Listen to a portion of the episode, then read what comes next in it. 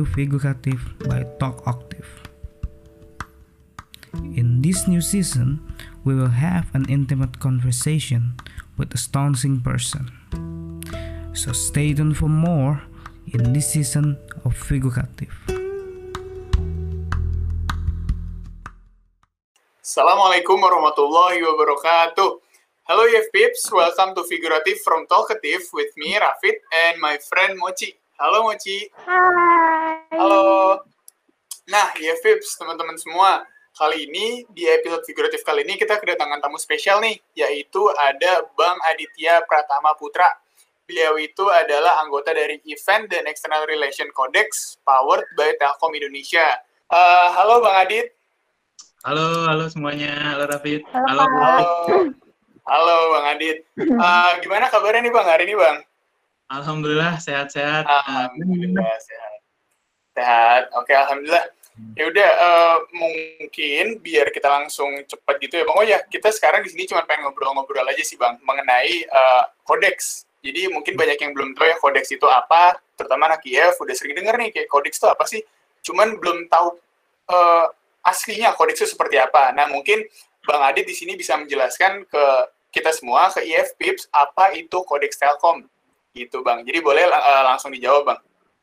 Oke, terima kasih Rafid. Eh, sebelumnya aku mau terima kasih dulu nih sama teman-teman HIMAIF ya dan IFPIP semua yang udah menyelenggarakan sebuah program yang keren banget, figuratif dan mengundang kami kodeks di eh, eh, acaranya. Oke, bener banget. Eh, Terima kasih banget Bang. itu juga pertanyaan pertanyaan yang sering banget kita tanyakan sebenarnya kodeks itu apa sih gitu ya Eh, kok kok ada kok ada ininya ada by Telkom Indonesia-nya di belakang gitu apa sih hubungannya sebenarnya kodeks dan Telkom Indonesia gitu jadi eh, kalau mau kalau aku jelasin secara singkat eh, kodeks itu adalah eh, official recruiter eh, dari departemen eh, digital dan next business-nya Telkom Indonesia jadi tugas utama kami di Codex adalah untuk membantu eh, merekrut talent-talent digital atau biasanya kita sebut dengan digital talent untuk nantinya disuplai ke produk-produk digitalnya Telkom. Eh, seperti teman-teman tahu kan produk digital Telkom ada cukup banyak ya, ada kayak Indigo, eh, terus eh, chat chat aja yang kayak teman-teman kemarin juga sempat ngobrol sama CEO-nya Mas Reza ya.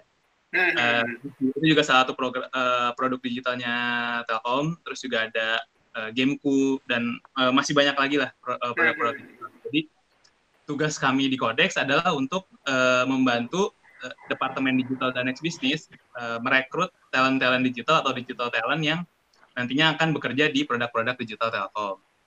Itu tugas utamanya. Nah, Goals kami eh, adalah untuk membantu eh, transformasi Telkom Indonesia eh, dari perusahaan yang konvensional seperti teman-teman tahu sekarang ke digital telco company. gitu. Hmm. seperti yang teman-teman tahu kan, kayaknya era-era sekarang tuh udah era digital banget lah ya. Kayaknya Betul, kalau perusahaan semua masih konvensional, kan semuanya masih eh, menerapkan bisnis yang tradisional, kayaknya bakal ketinggalan dan bakal kalah lah sama Betul, betul. Nah, makanya itu Telkom eh, ingin untuk bertransformasi nih dari eh, telco company yang konvensional ke digital telco company. Maka dari itu dibentuklah Codex untuk membantu mempercepat dan juga membantu eh, istilahnya eh, progres Telkom untuk bertransformasi. Itu sih kalau secara singkat. Mudah-mudahan menjawab ya. Eh, jadi jangan salah lagi nih. Kadang-kadang masih ada juga yang banyak bertanya, Codex itu apakah anak perusahaan Telkom? Codex itu eh, apakah pihak ketiga gitu ya? Jadi eh, bukan teman-teman, Codex itu bukan anak perusahaan, bukan pihak ketiga. Codex itu adalah part of Telkom Indonesia, tepatnya di bawah Departemen Digital dan Next Next Next Business-nya gitu. Itu Rafid, Mochi, mudah-mudahan Hmm, menjawab. Oke, oke, oke, oke. Terima kasih banyak Bang buat jawabannya. Jadi eh, kurang lebih tuh kodeks itu semacam jembatan, betul nggak Bang, antara Telkom dengan rekruter, gitu, betul ya Bang? Eh, kami Atau tuh gimana? eh, jadi kalau kalau is- pakai istilahnya Rafid jembatan, betul. Kami itu adalah jembatan Telkom digi- eh, produk digital Telkom ke talent-talent digitalnya. Hmm, I see, I see, I see. Hmm, jadi Kak, eh, talent-talent digital nih yang misalkan eh, sebelumnya mungkin eh, aku jelasin dulu ya talent-talent digital itu dalam artian apa takutnya juga ada yang bingung jadi Boleh, boleh, boleh. Banget. di, Boleh kalau di banget. Telkom itu kami eh, membaginya menjadi 3D developer uh, desainer sama data science, teman-teman. Jadi uh, kerja uh, job role yang berkaitan dengan developer, uh, desainer, UI UX terutama dan data science itu kita kita sebut sebagai digital talent. Jadi uh, kami menjembatani teman-teman yang yang ingin berprofesi di sebagai uh, antara 3D itu ke produk produk-produk digital Telkom yang ada di Telkom Indonesia gitu. Oh, I see, I see, I see, I see. Oke, oke, oke, oke. Jadi itu tuh IFP, IFP penjelasan general tentang kodeks powered by Telkom Indonesia. Gitu. Terima kasih banyak Bang Adit atas penjelasannya. Uh, terus coba Mochi, Mochi ada pertanyaan nggak Mochi? Buang banget buat Bang Adit Mochi ini Coba. Uh, mau nanya deh kak uh, sejak kapan sih sebenarnya kodeks ini tuh dibentuk oh oke okay. kodeks itu pertama kali dibentuk itu pada bulan eh, pada tahun 2018 tepatnya bulan Agustus jadi sebenarnya oh. teman-teman bulan ini tuh tepat dua tahun kodeks berdiri gitu jadi uh. Selamat ulang tahun Kodeks. Mantap. Selamat ulang tahun juga untuk Indonesia ya Dirgahayu ke-75. Betul, Dirgahayu ya. Indonesia. Terus uh, berarti Agustus tadi tanggal berapa, Bang? Tanggalnya uh, saya kurang tahu. Lupa juga, Bang. yang paling jelas sih bulan bulan Agustus tahun 2018 gitu. Hmm, Agustus 2018. Berarti pas ya dua tahun ya betul betul. Dua tahun bulan ini. Oke. Okay. Terus ini bang, tadi kan banyak tuh ya bang talent-talent yang apa yang uh, tadi udah jelasin sama bang Adit di Codex. Ya. Terus uh, buat sistem kerjanya di Codex sendiri itu kayak gimana sih bang? secara general sistem kerja dari kodeks itu seperti apa bang? Gitu. Nah ini uh, ini yang menarik sih Rafid benar. Jadi hmm. kalau misalkan teman-teman ditanya uh, gimana sih kerja di BUMN itu, mungkin kebanyakan hmm, ya, betul. Tetap di luar tuh kayaknya, wah aku nih, terus wah ini nih kayaknya hmm. kayaknya kita nggak boleh salah nih, pokoknya semuanya udah ada hmm. gitu. Nah sebenarnya uh, kami di Kodeks itu sistem kerjanya sangat fleksibel sih sebenarnya. Sangat fleksibel. Kalau teman-teman familiar mungkin dengan istilah uh, agile, ya. Mungkin dia juga sudah sudah sudah mengenal ya istilah agile kayak uh, Scrum, Kanban, Lean hmm, kayak gitu. Ya, ya, ya. kami di Codex itu menerapkan sistem kerja dengan uh, metodenya dengan Scrum. Dengan Scrum. Jadi uh, oh, I see, I see uh, berkaitan dengan itu, kami juga uh, punya kultur kerja yang fleksibel, teman-teman. Hmm. Nah itu nanti mungkin men, uh, bisa menjawab juga. Terus kultur kultur kerja di Codex itu seperti apa sih, gitu ya? Jadi uh, kultur kerja di kami itu adalah uh, fleksibel, fleksibel arrangement, fleksibel working time, fleksibel working place. Nah itu dibantu dengan metode Scrum tadi gitu karena kan uh, kami di Codex juga selain membantu teman-teman uh, membantu uh, Telkom Departemen uh, Digital dan Services, kita juga membuat produk nih. Nah, produk yang berkaitan dengan developer itu juga kita menggunakan makanya kita menggunakan uh, metode sistem kerja Scrum kayak gitu. gitu. Oke, oke. Nah, Terus tadi apa tadi?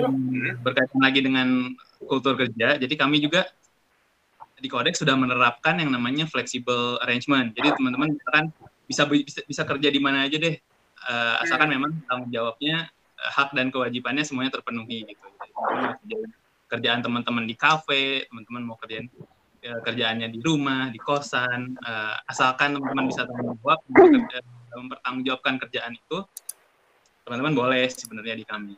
Tapi tentu saja dengan uh, metode Scrum tadi ya jadi tetap tetap ada namanya kalau di Scrum itu kan ada daily stand up ada uh, screen review tetap uh, terkontrol gitu sih. Uh, mau nanya dong, tadi tuh katanya tempatnya tuh bebas ya di mana aja kerjanya, asalkan uh, targetnya tercapai. Tapi kalau misalkan kita pengen ke kantor tuh, yang ke di Kodexus sebenarnya ada kantornya nggak sih kak? Ada dong, ada dong. Jadi sebenarnya ada dong Moch. Masa iya Moch? Nggak ada. ada. Jadi sebenarnya ya teman-teman uh, kalau kalau normalnya ya di luar pandemi ya kalau normalnya itu kita tetap kerja setiap hari, uh, tetap ada jam kerjanya gitu, istilahnya. Tapi uh, itu nanti berkaitan lagi dengan kebijakan setiap divisi atau kebijakan setiap departemen lagi di kodeks gitu misalkan. Nah kalau mis uh, sebenarnya kita tuh setiap hari ada ada ada jam kerjanya juga, maksudnya teman-teman kalau mau ke kantor ya ke kantor silahkan gitu. Tapi misalkan teman-teman uh, dan di dalam satu tim misal, sebut sebut saja misalkan tim uh, konten. Tim konten ini misalkan uh, sedang ingin mengerjakan sesuatu dan kayaknya butuh ide yang fresh butuh ide yang nggak bisa nih kayaknya kerjain cuma di kantor doang. Uh, but uh, maksudnya uh, di, di di ruangan doang nggak bisa nih. Kayaknya pengen pengen hmm. coba ngerjain nyari ide di kafe misalkan. Nah itu kita perbolehkan gitu. Asalkan memang tadi sesuai dengan uh, hak dan kewajiban kewajiban dan tugasnya masing-masing lah gitu macam oh. jadi ada boleh kalau mau main nanti ada ya. boleh boleh. Nanti disambut ya kak. Buat buat uh, kantor. Kodex Kodex itu untuk saat ini kantornya ada di Telkom STO Kebayoran Baru di Jakarta Selatan. Kalau teman-teman naik MRT itu pas di bawah uh, stasiun ASEAN. Stasiun ASEAN. Oke, oke, oke. Hmm. Tinggal jalan kaki lah dari sini.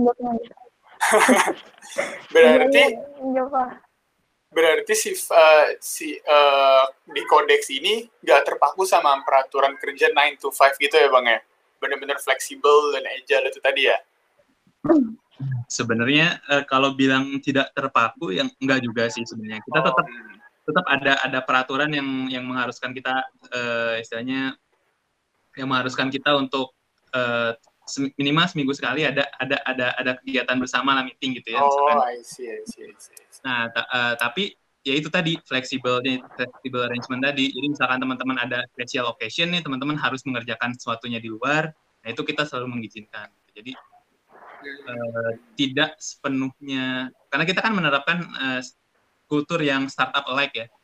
Jadi seolah-olah hmm. kayak startup lah istilahnya. Tapi tidak 100% juga startup karena kita kan masih di bawah Telkom nih. Telkom ya betul betul betul. Nah, masih di bawahnya Telkom nih, tapi untuk sistem kerja, untuk kultur kerja kita tuh sudah sudah sudah mirip dengan startup lah istilahnya kayak gitu. Oke oke oke oke. Uh, terus buat sebenarnya kalau di menurut abang Adit sendiri ya bang ya, yeah. working environment di Codex tuh gimana bang? Apakah uh, nyaman, bikin nyaman pekerjanya atau gimana bang? Nah ini sih sebenarnya yang uh, sebelum sebelum di kodeks nih aku aku cerita dulu ya sebentar ya. Boleh Jadi boleh bang, boleh bang. Boleh bang. di corporate lah, salah satu corporate uh, eh, FMCG lah di yang salah terbesar juga di Indonesia besar juga. ke kodeks itu sebenarnya sedikit kaget juga nih dengan dengan work environment-nya di kodeks nih karena kan wah ini kok orangnya kayaknya santai-santai banget. Terus fleksibel fleksibel banget. Tapi uh, outputnya kok keren-keren gitu. Misalkan kayak uh, aku lihat tim tim timnya ops apa tim produk gitu ya. Kayaknya kok eh, nggak uh, nggak nggak kayak sesibuk itu gitu. Tapi ternyata uh, mereka tetap bisa menghasilkan karya-karya yang keren. Gitu. ya tim konten gitu. Walaupun misalkan kerjanya nggak uh, tidak 9 to 5, nah, tapi tetap mereka menyelesaikan pekerjaan dan tanggung jawabnya uh, secara penuh gitu. Jadi aku pas masuk ke sini tuh cukup kaget karena wah ini gimana nih maksudnya aku yang biasanya kerjanya 9 to 5 misalnya bahkan Senin sampai Sabtu. Nah, ini kok tiba-tiba masuk kodeks uh, kayak kok santai banget gitu ya. Kok orang-orang bisa fleksibel itu memang butuh adaptasi sih, butuh adaptasi beberapa lama lah. Tapi setelah itu baru kerasa tuh oh ternyata bekerja bekerja seperti ini justru bukan bukan kehilangan waktu produktif, tapi justru malah e, menambah produktivitas kita untuk hal-hal lain. Hmm, betul betul. E, selain kita bisa bekerja, kita juga bisa produktif dalam hal lain. Nah itu yang yang yang yang disebut sebagai work, work life balance ya. Sekarang istilahnya kan kayak gitu. ya kan? Nggak, nggak cuma pikiran tuh kerjanya ke kantor doang, tapi kita juga bisa refreshing kayak gitu. Asalkan kita bisa manage waktu dengan baik. Sih. Betul, betul, betul. Berarti kayak istilahnya oh, rumah kedua ya lah bang ya? Bisa dibilang kantornya itu rumah kedua ya? Bisa nggak iya, bang? Iya betul. Um, iya bisa bisa dibilang kayak gitu juga sih. Jadi uh, kita tuh ke kantor nggak cuma mau kerja gitu, kita bisa main juga di sana. Uh, di kantor Codex tuh bahkan kita ada PlayStation. Oh iya. Kita bisa main PS4.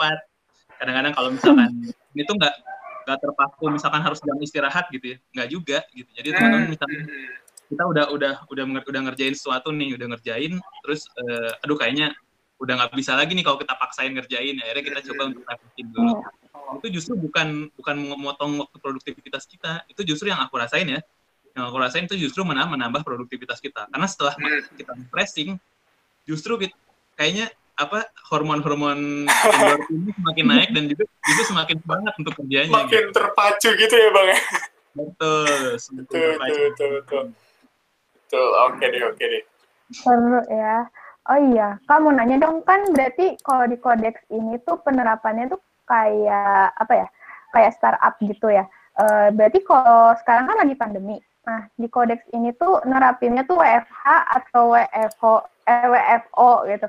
Terus gimana sih eh, antisipasi dari tim kodeks sendiri lagi pandemi kayak gini? Betul. Eh, Oke, pertanyaannya bagus. Eh, di Kodeks sendiri sudah mulai WFH itu dari eh, pertengahan Maret. Jadi ketika waktu PSBB, pemerintah eh, mencanangkan PSBB, itu kita sudah WFH. Nah, sampai hari ini kita masih WFH, teman-teman. Jadi eh, bisa dibilang mungkin eh, kita salah satu kan salah satu apa ya bukan ya salah satu kantor ya salah satu kantor yang uh, WFH-nya cukup lama nih. Nah tapi terus pertanyaannya apakah efektivitasnya sama itu kan ya? Nah, iya betul, ya, itu dia. Pertanyaan apakah efektivitasnya sama dengan kita bekerja di kantor dengan kita bekerja di rumah gitu? Nah seperti yang tadi aku bilang di kodeks itu kan kita sudah menerapkan namanya uh, flexible uh, working arrangement yang uh, working flexible working time, flexible working place. Nah uh, pengalaman itu ternyata diadaptasi uh, dengan uh, WFH sekarang itu ternyata membuat adaptasi kita tidak terlalu lama nih teman-teman. Hmm. Itu, oh, karena kita biasa uh, meeting online, kita udah biasa uh, mengerjakan pekerjaannya di rumah misalkan atau di di kafe gitu. Jadi sebenarnya dengan dengan kita uh, sudah biasa melakukan itu, ketika WFH kita nggak terlalu kaget lagi sih sebenarnya. Hmm. Walaupun tetap ada dampaknya sih, karena kita kan jadi nggak bisa ketemu ya. Tetap aja kalau saya sih, Iya, tapi tetap uh, pertemuan fisik itu tetap penting sih menurut aku karena Betul, betul banget. Untuk untuk untuk bisa kenal personal kayak gitu-gitu sih. Apalagi aku di tim event kan, tim event itu cukup yang cukup banyak terkena dampaknya sih. Emang bang LDR emang susah bang, harus ketemu. LDR emang susah. Di mana pun juga mau kantor mau apa tetap nggak usah curhat, nggak usah ketemu. curhat. Oh iya sorry sorry sorry sorry sorry sorry. Ah reflect. Oke deh bang, Eh, itu berarti sampai sekarang masih WFH nih bang ya? Berarti belum ada ke kantor sama sekali atau ma- masih di kantor Um, dulu tuh tidak satu kali gitu bang? Sebenarnya kalau mau ke kantor sih nggak apa-apa ya. Sebenarnya kemarin tuh sempat ada kebijakan untuk mau yang mau ke kantor boleh, asalkan harus absen. Jadi absen terpisah gitu, dibatasi. Jadi kalau misalkan di kodeks sendiri eh, maksimal sehari itu 15 orang yang boleh ke kantor. Jadi setelah 15 Oh, orang dibatasi. Hmm. Tapi karena memang eh, ya itu tadi kita udah biasa fleksibel, jadi jarang juga sih yang ke kantor. Kaget ya bang ya? Iya iya iya iya betul betul betul betul. Oke deh. Jadi eh, itu kalau misalkan di kodek sekarang masih WFH. Nah, eh ini deh bang, mau nanya lagi nih. Kalau buat masuk kodeks, buat masuk kodeks nih buat para eh, fresh graduate terutama kan banyak nih ya. Kita sekarang udah ada yang semester 7, udah ada yang baru lulus kemarin. Nah, eh, buat para fresh graduate, bagaimana sih bang cara daftar ke kodeks dan requirement-nya apa? Atau ada tips and tricks dari bang Adit buat eh, masuk kodeks gitu bang? Oke, em, kalau teman-teman eh, yang mau coba join di Codex, teman-teman itu bisa dapat infonya lengkap banget di websitenya join kita. Eh, teman-teman bisa masuk ke website kita dulu di codex.works, di situ juga ada infonya gitu ya. Tapi teman-teman kalau misalkan mau spesifik langsung ke pekerjaan apa sih yang lagi dibuka ya kita juga kebetulan sekarang lagi hiring uh, teman-teman bisa langsung aja buka di join.codex.works sekali lagi ya. join.codex.works yeah. .works. Nah di sana tuh uh, udah lengkap banget. Teman-teman bisa lihat job role-nya apa aja yang lagi dibuka. Teman-teman bisa tahu job description-nya apain aja. Sampai proses apply-nya juga bisa lewat situ. Uh, untuk untuk aku, aku sebutin sedikit ya yang yang sedang kita buka sekarang ya. Jadi ini kebetulan aku ada contek. Lalu sekarang uh, uh, job job role untuk data science. Hmm. Ini data science nih lagi seksi banget nih teman-teman tahu kan. Waduh, kenapa lagi tuh? Dicari, lagi dicari hmm. banget uh, talent-talentnya gitu. Kita juga ada software quality assurance, ada Scrum Master, uh, front end developer, back end developer, software documentation, DevOps, and security engineer, artificial intelligence (AI), uh, UX researchers, UX designer, UI designer, software architect, database administrator, uh, cloud, cloud engineer, mobile developer, uh, itu bisa Android, bisa iOS.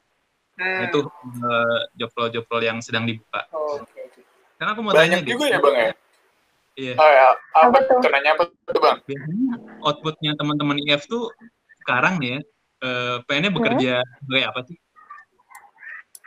Coba Aduh, dijawab. Coba dijawab. Kalau kalau dari aku sih sebenarnya tuh kan aku juga lagi KP ya kak di pernah hmm. perusahaan Telkom juga. Jadi agak membanding-bandingkan. Kalau dari aku sih harapannya tuh selain kita kerja, kita tuh dapat kesempatan buat berkembang gitu loh. Jadi kayak mungkin uh, ada mungkin uh, karena aku KP-nya jadi QA, ada apa ya kayak workshop tentang QA atau enggak tentang hal lain deh yang yang yang tujuannya uh, selain kita kerja, tapi si pegawainya juga ada improvement juga gitu dari dirinya sendiri gitu. Kalau aku sih berharapnya selain kerja tapi dapat ilmunya gitu. Oke. Itu jadi input buat kita juga sih Mochi. Ah iya, Bu. Kita, buat, kita buat ini ya, kita buat training. Iya bener Kak. Atau enggak tuh kalau dari aku sih sempat cerita-cerita juga sama ada cutting yang udah kerja juga.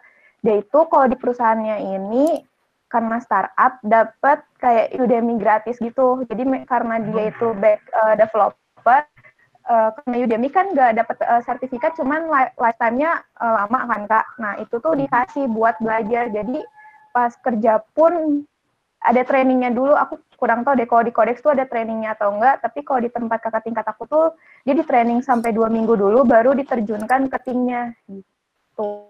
Jadi biar menyamakan isi kepala dulu.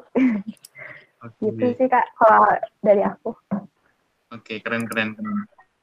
Um, oke okay. berarti kalau udah udah ada gambaran belum uh, Mochi mau jadi apa nanti? Belum belum belum soalnya aku mau cobain kak. Kalau Rafid dari Rafid udah ada belum sih ada. nggak uh, seru banget aduh gimana ya bang.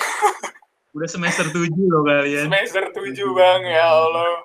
Tapi masih belum terarah banget gitu loh bang. Udah ada bayangan sebenarnya ada gambaran dikit-dikit tuh tapi belum yang memantapkan diri tuh belum bang. Makanya kita ini salah satu ini nih bang. Kita kayak gini tuh buat kayak lebih buka uh, pandangan kita tentang perusahaan-perusahaan yang ada dan apa aja peluang yang ada buat uh, mahasiswa terutama fresh graduate itu sih bang. Itu betul, tujuannya. Betul. nah iya. Setuju sih David bener. Jadi aku tuh sebenarnya nanya itu karena uh, aku mau encourage teman-teman sih teman-teman semua terutama IFPIPS uh, jangan jangan inilah jangan apa namanya jangan takut untuk ngambil kesempatan gitu maksudnya. Teman-teman misalkan uh, jurusannya misalkan informatika tapi teman-teman pengen masuk coba untuk belajar data science ya kenapa enggak gitu kan? Informatika terus teman-teman tapi punya punya kemauan untuk belajar UX UI itu juga kenapa enggak gitu. Jadi nah kami kebetulan di Codex itu juga sangat membuka kesempatan untuk teman-teman eh, yang maksudnya kita tidak tidak terlalu melihat inilah tidak terlalu melihat background pendidikannya apa sih sebenarnya dia tuh. Kami di Codex uh, melihat bagaimana teman-teman uh, keahlian, uh, skill dan juga uh, soft skill dan hard skillnya teman-teman itu yang lebih penting sebenarnya dibanding dengan uh, background pendidikan. Ini berkaitan juga dengan tips uh, and trick tadi ya yang ditanyakan oleh Rafid. Jadi aku sih mau encourage teman-teman untuk nggak usah takut sih ilmu itu tidak akan hilang lah ilmu ilmu ilmu teman-teman hmm. tapi teman-teman juga jangan terpaku untuk uh, wah gue juga jurusan informatika tapi gue ya gue gue kayaknya seru nih data science apalagi sekarang lagi data science itu lagi tentunya lagi dicari banget iya lagi naik daun banget bahkan ada uh, ada apa namanya ada uh, uh, satu artikel yang bilang kalau data science itu it's the sexiest job sekarang tuh gitu. Waduh, waduh, waduh, waduh. paling betul, betul, betul. di kan uh, kalau boleh buka-bukaan sendiri trade gajinya pun cukup besar gitu ya. Nah itu uh, teman-teman kalau misalkan mau belajar itu uh, boleh banget gitu walaupun juga uh, uh, tetap teman-teman membawa ilmu informatikanya teman-teman gitu. Gitu. Tuh, dengerin guys, dengerin kata Bang Adit guys. Ambil segala opportunity yang kalian dapetin, jangan disia-siain. Betul banget. Nah, tapi Bang, nah ini kan kayak tadi nih kayak data science atau UI UX itu kan sebenarnya kita di informatika itu kan juga ada belajar ya Bang ya, UI UX, data science juga ada. Jadi uh, ya masih ada lah masih ranahnya. Nah, cuman mau nanya nih Bang, aku Bang. Kan uh, Bang Adit ini lulusan Telkom dan jurusan DKV Bang ya, bener ya Bang? Betul. Nah, ini nih, kan kalau misalkan kita lihat dari title Bang Adit, Event dan External Relation, gak, gak kurang kurang nyambung gitu nggak sih Bang? Nah, kenapa bisa kepikiran Bang Adit dari lulusan DKV tiba-tiba mau mutusin ke kerja di bidang yang yang buat Bang Adit tertarik gitu Bang? Oh, Oke, ini ini sebenarnya kalau dijelasin panjang lagi sih Raffi. Oh panjang, nggak apa-apa bang, kita punya banyak waktu bang. Nggak apa-apa. Aku persingkat aja deh. Jadi. Bang Adit. Ya, hmm, aku persingkat aja deh sebenarnya. Yeah, yeah. Uh, jadi di awal itu ya, aku masuk DKV itu karena aku waktu itu SMK-nya adalah multimedia. Oh. Oh. Aku SMK multimedia, terus uh, pikiran anak SMA kayaknya aku kuliah hanya harus melanjutkan uh, hmm pendidikan aku gitu dari SMK. Iya betul betul betul betul. Nah, seiring berjalannya waktu, ternyata aku aku tuh kayaknya nggak nggak nggak nggak kalau anak sekarang sebutnya passion lah ya. Nggak passion passion, banget sebenarnya di, di visual design ini. Aku justru cenderungnya lebih ke marketing. Hmm. Uh, that's why kenapa aku pilih waktu itu penjurusannya advertising di DKV. Oh ada, oh iya iya iya. Nah, yang orang nggak tahu, uh, ini juga banyak banyak yang ketika aku interview banyak yang apa interviewernya banyak yang nanya juga ini kan kamu DKV nih kenapa kamu masuknya ke marketing kayak gitu nah, yang banyak orang nggak tahu adalah di advertising khususnya ya itu mungkin sekitar 40 persen 50 persen itu bahasnya tentang marketing communication branding pemasaran gitu dan mungkin lima persennya baru visual gitu jadi sebenarnya secara tidak langsung aku juga backgroundnya adalah marketing sebenarnya. Jadi kalau apakah sesuai atau tidak uh, job role aku sekarang dengan background pendidikan, aku sih bisa bilang sesuai. Sesuai. Hmm, okay, okay, okay. Memang uh, anggapan stereotip di orang luar ya anak DKP ya biasanya uh, hanya berkutat di desain grafis, gitu, oh. gitu ya. Jadi nggak terlalu off track banget ya bang ya, masih di jalur yang tepat gitu ya sebenarnya nggak terlalu off table dan banyak banget ilmu-ilmu aku pada saat kuliah itu yang masih pakai sampai sekarang. Hmm, I see, I see, I see, I see. Gitu. Oke deh. Berarti tapi Bang Adit ngerasa uh, ada yang ngerasa rada nyesel gitu nggak sih Bang masuk di kafe? Oh, enggak. sekali. Enggak, berarti enggak ada guys. Enggak boleh nyesel. Nama sekali enggak. Enggak ada, alhamdulillah. Ya, jadi banyak sebenarnya ilmu-ilmu aku juga yang uh, ilmu DKV yang kepake sampai sekarang sih. Hmm. Contohnya kayak misalkan di perusahaan sebelumnya, aku jadi marketing kan, uh, jadi brand communication waktu itu. Tugasnya ya rata-rata buat event, uh, relation ke orang-orang.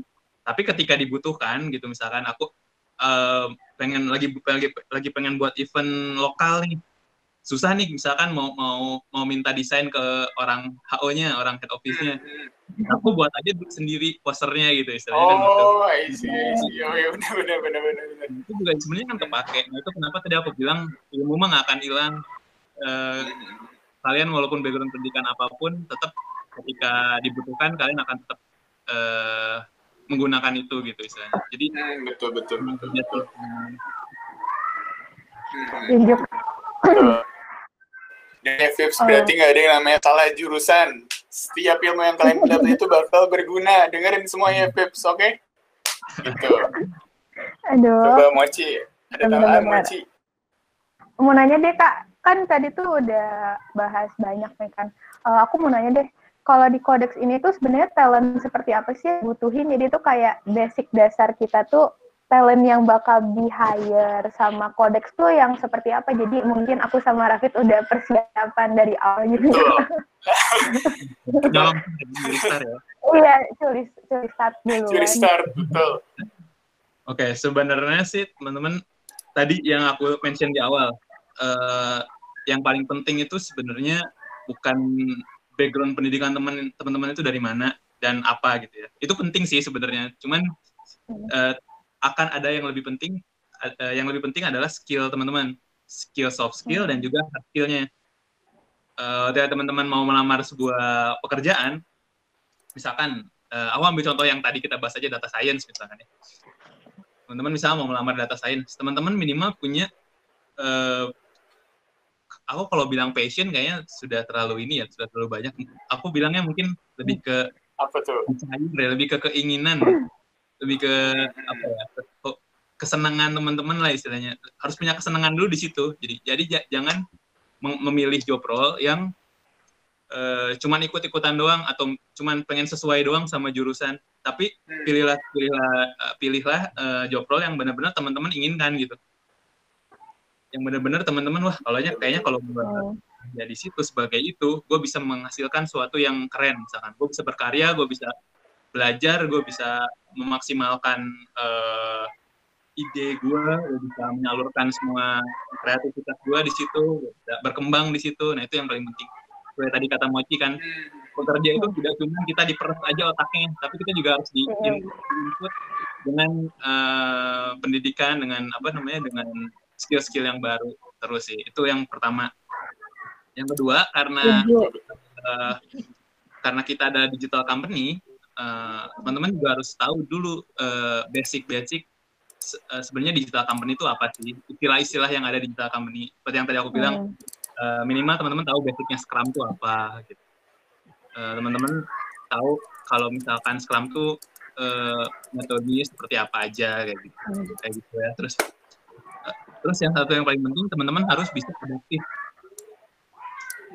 Adaptif dalam, dalam arti uh, misalkan uh, kayak kayak aku kemarin tuh aku kemarin kan bekerja di corporate yang strict tuh.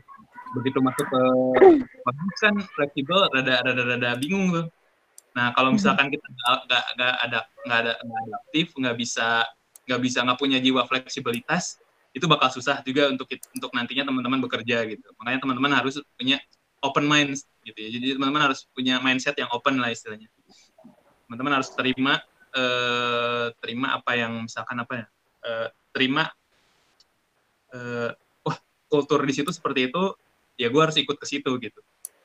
Mm. itu loh maksudnya. Jadi betul betul. kurang lebih kayak gitu sih sebenarnya. Jadi sekarang itu yang yang lebih penting bukan bukan bukan tadi bukan background pendidikan tapi soft skill dan hard skillnya teman mudah-mudahan Setuju banget sama jawabannya Bang Adit. Jadi intinya soft skill dan hard skill. Yang penting itu yang sangat dibutuhkan buat masuk ke dunia pekerjaan. Ya, Pips. Nah, terus uh, ini, oh ya, makasih banyak Bang buat uh, jawabannya. Nah, terus ini kita, kan kemarin kita ada ini ya Bang Himayev, ada uh, bikin question box di Instagram dan ada beberapa pertanyaan yang masuk. Nah, ini tanyakan yang masuk buat Bang Adit. Salah satunya, uh, mau tanya dong, Kak Adit udah punya pacar belum? Oh, itu sensitif bro, jangan bro. Kita lanjut. Nanti di DM aja di DM. Di DM aja katanya tuh guys. Nah ini ada lagi uh, pertanyaannya, Kak, gimana cara sukses untuk lulusan IF dan mampu bersaing dengan yang lain? Oke. Okay. Ini ada ini ada dua pertanyaan nih bang. Satunya lagi skill apa aja yang diperlukan untuk dua tahun ke depan? Nah mungkin bisa disambung-sambungin tuh bang tips dari Bang Adit. Apa yang diperlukan buat uh, fresh graduate kurang lebih dua tahun ke depan? Oke. Okay. Uh, tadi pertanyaan pertama itu ini apa ya? Sorry sorry, aku skip. Pertanyaan yang pertama tadi uh, gimana cara uh, sukses untuk lulusan IF dan hmm. mampu bersaing dengan yang lain? Okay. Nilai jual gitu bang. Nilai jual ya, oke. Okay. Uh, ini ini aku jawab dari perspektif aku aja ya. Dari perspektif ya, aku. Iya boleh bang. Mungkin bisa bekerja di teman-teman, mungkin juga enggak. Gitu. Jadi kalau aku ya, per, uh, uh, apa namanya uh, prinsip aku kalau misalkan aku mau masuk ke satu pekerjaan uh, aku nggak aku nggak lihat aku lulusan apa aku nggak lihat aku backgroundnya apa gitu. Tapi aku melihat diri aku sendiri uh, seneng nggak kira-kira di pekerjaan itu? Pertama itu seneng dulu. Kalau kita udah seneng kita bisa memaksimalkan uh, apa yang jadi potensi kita. Yang kedua uh, ketika aku ketika uh, aku coba untuk masuk ke pekerjaan itu bisa nggak nih aku untuk memberikan yang maksimal uh, dari dari apa yang aku bisa gitu misalkan ketika nah itu pertanyaan-pertanyaan yang harus teman-teman tanyakan dulu ke diri sendiri gitu sebelum memilih pekerjaan. Uh, jadi kalau misalkan kita ragu-ragu misalkan, aduh aku mau masuk ke, quality assurance nih, tapi aku masih tahunya cuma basic-basicnya doang. Kira-kira bisa nggak ya aku ngasih maksimal ke situ? Gitu. Nah kalau misalkan teman ragu-ragu teman-teman mendingan uh, ini dulu deh apa belajar dulu lagi deh. Self improvement dulu uh, update skill-skill baru dulu gitu ya. Baru masuk ke situ. Karena dunia pekerjaan itu terkadang berbeda sama saat kuliah. Saat kuliah mungkin teman-teman bisa coba-coba gitu. Dan bisa bisa hmm. kayak karena kan outputnya belajar ya. Eksperimen. Karena iya, kan iya. betul, betul. kalau belajar tuh nggak ada yang salah nggak ada yang benar gitu. Ya, yang penting teman-teman mau, mau belajar teman-teman akan sukses gitu ya misalnya. Nah kalau pekerjaan tuh beda. Pekerja tuh teman-teman udah dikasih diberikan tanggung jawab gitu. Nih lu masuk sini ini gue kasih tanggung jawab sama perusahaan. Nah ketika teman-teman nggak bisa untuk menanggung tanggung jawab itu nah teman-teman tentu saja tidak mungkin tidak mungkin akan tetap bekerja tapi tidak akan terlalu menonjol itu aja sih. Jadi kalau pertanyaannya bagaimana untuk sukses menurut aku sih aku juga belum sukses sih sebenarnya kan. Tapi kalau misalkan aku ditanya seperti itu ya aku akan tanya dulu ke diri aku sendiri bisa nggak aku melakukan itu bisa nggak aku memberikan yang maksimal di situ baru aku masuk ke situ gitu. gitu nah tadi pertanyaan kedua adalah skill. apa tadi lupa ya skill skill apa saja yang diperlukan dua tahun ke depan oke okay. nah ini kebetulan aku baru banget baca surveinya McKinsey. Kalau teman-teman tahu, eh, McKinsey, McKinsey itu lembaga survei di oh, internasional. Iya. Lembaga survei di internasional. Nah, uh, Februari lalu mereka tuh baru merilis sebuah survei tentang talent gap. Talent gap. Jadi mereka tuh mensurvei uh, ratusan perusahaan di dunia ini, perusahaan-perusahaan besar semua. Nah, di situ mereka menanyakan gitu, apa sih sebenarnya yang jadi tantangan perusahaan-perusahaan itu untuk berkembang atau ber, e, bertransformasi gitu. Kebanyakan perusahaan-perusahaan itu CEO-CEO-nya mereka tuh bilang e, kebanyakan yang membuat kita tidak berkembang adalah talent gap atau uh, apa ya namanya ya skill-skill yang uh, dibutuhkan sekarang tapi tidak ada zaman dulu. Contohnya data science ya kan itu termasuk skill baru kan. Itu tidak iya, iya, iya. tapi uh, banyak. Bahkan di Indonesia pun kan pendidikan data science tuh kayaknya masih sedikit banget ya yang khusus spesifik untuk membahas itu. Terus kayak AI teknologi artificial intelligence. Di Indonesia kayaknya masih jarang banget yang seperti itu gitu. Hmm, betul. Eh, perusahaan-perusahaan perusahaan-perusahaan itu uh, kesulitan nih untuk dapat talent yang mampu untuk uh, istilahnya menyelaraskan menyelaraskan uh, perusahaannya transformasi dari konvensional ke digital gitu. Nah, uh, itu yang jadi yang jadi problem sih kalau teman-teman tanya kalau pertanyaannya tadi adalah skill apa yang dibutuhkan dua tahun ke depan, menurut aku adalah skill-skill yang zaman dulu nggak ada, tapi zaman sekarang penting banget. Hmm. Dari uh, perspektif uh, industri 4.0 ya termasuk uh, data science, UI UX, artificial intelligence. Uh, sadar nggak sih teman-teman kayak sekarang tuh kita terutama di masa pandemi ini teman kita tuh kan cuma layar-layar doang layar Iya, iya. Bener banget bang. Bener Apalagi- banget. HP, layar lab. Eh, semakin semakin kayak semakin kita kedekatan kita dengan dunia digital, semakin kita sadar kalau penting itu gitu, penting itu eh, user interface itu penting banget gitu untuk kita supaya nyaman main main gadget gitu. Supaya kita mau beli suatu barang kita butuh eh, data dari customer kan. Nah, itu juga Customer betul betul begitu betul. pentingnya peran data science untuk itu gitu. Nah, menurut aku dua tahun, tiga tahun, bahkan mungkin 10 tahun ke depan eh, pekerjaan-pekerjaan seperti itu yang eh, teman-teman yang akan tetap dibutuhkan di industri dan teman-teman kalau misalkan punya kesempatan untuk belajar, belajar itu. Itu Betul betul betul. Keren banget jawabannya Bang Adit. Terima kasih banyak Bang Adit jawabannya keren banget.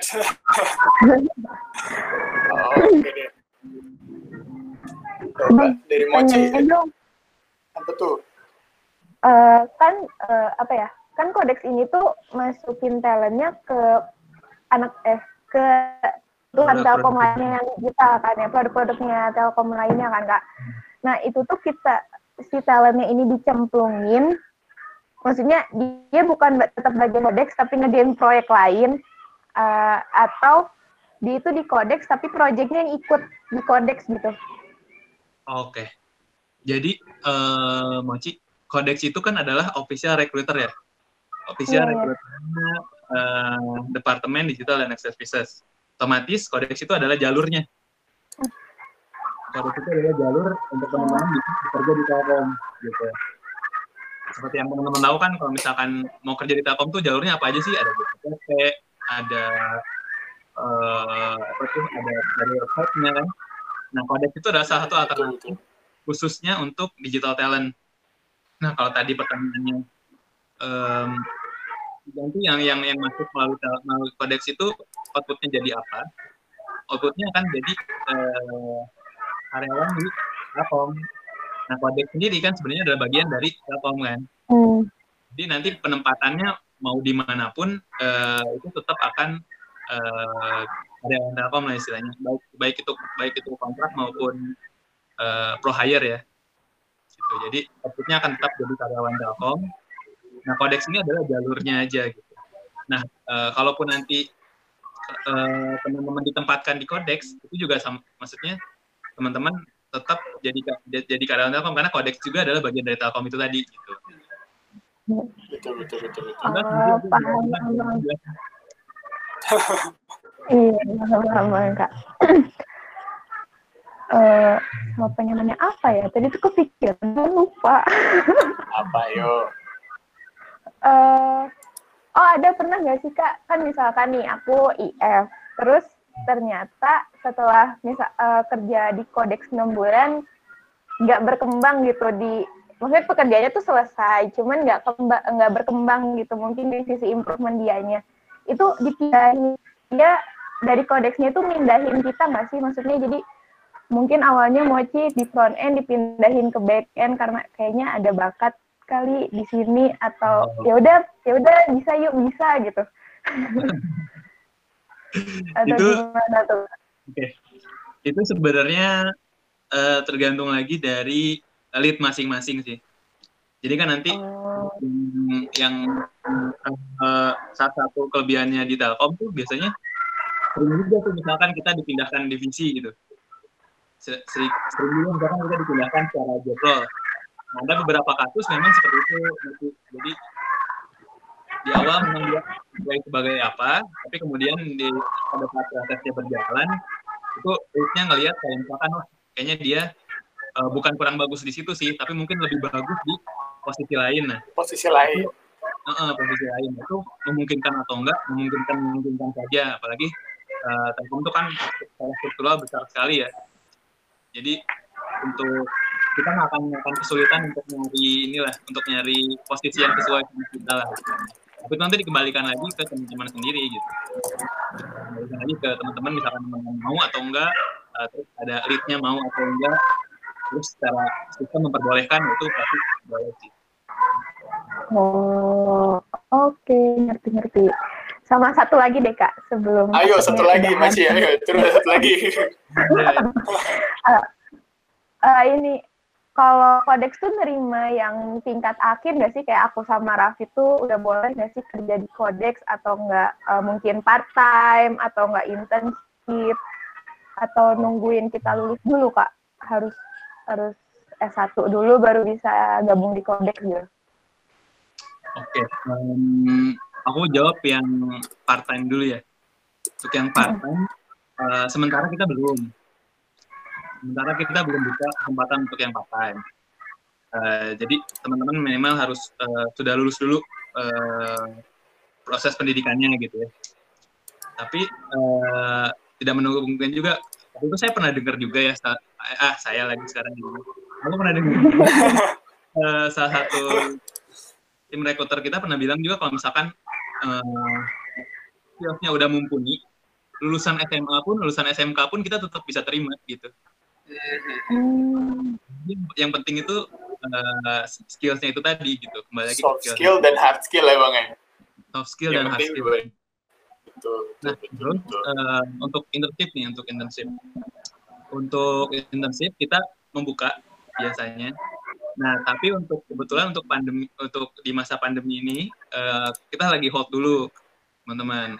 Lagi hold dulu. Nah, kalau untuk teman-teman yang mau tahu eh, info lengkapnya, teman-teman bisa eh, cek infonya di Telkom DDP Internship.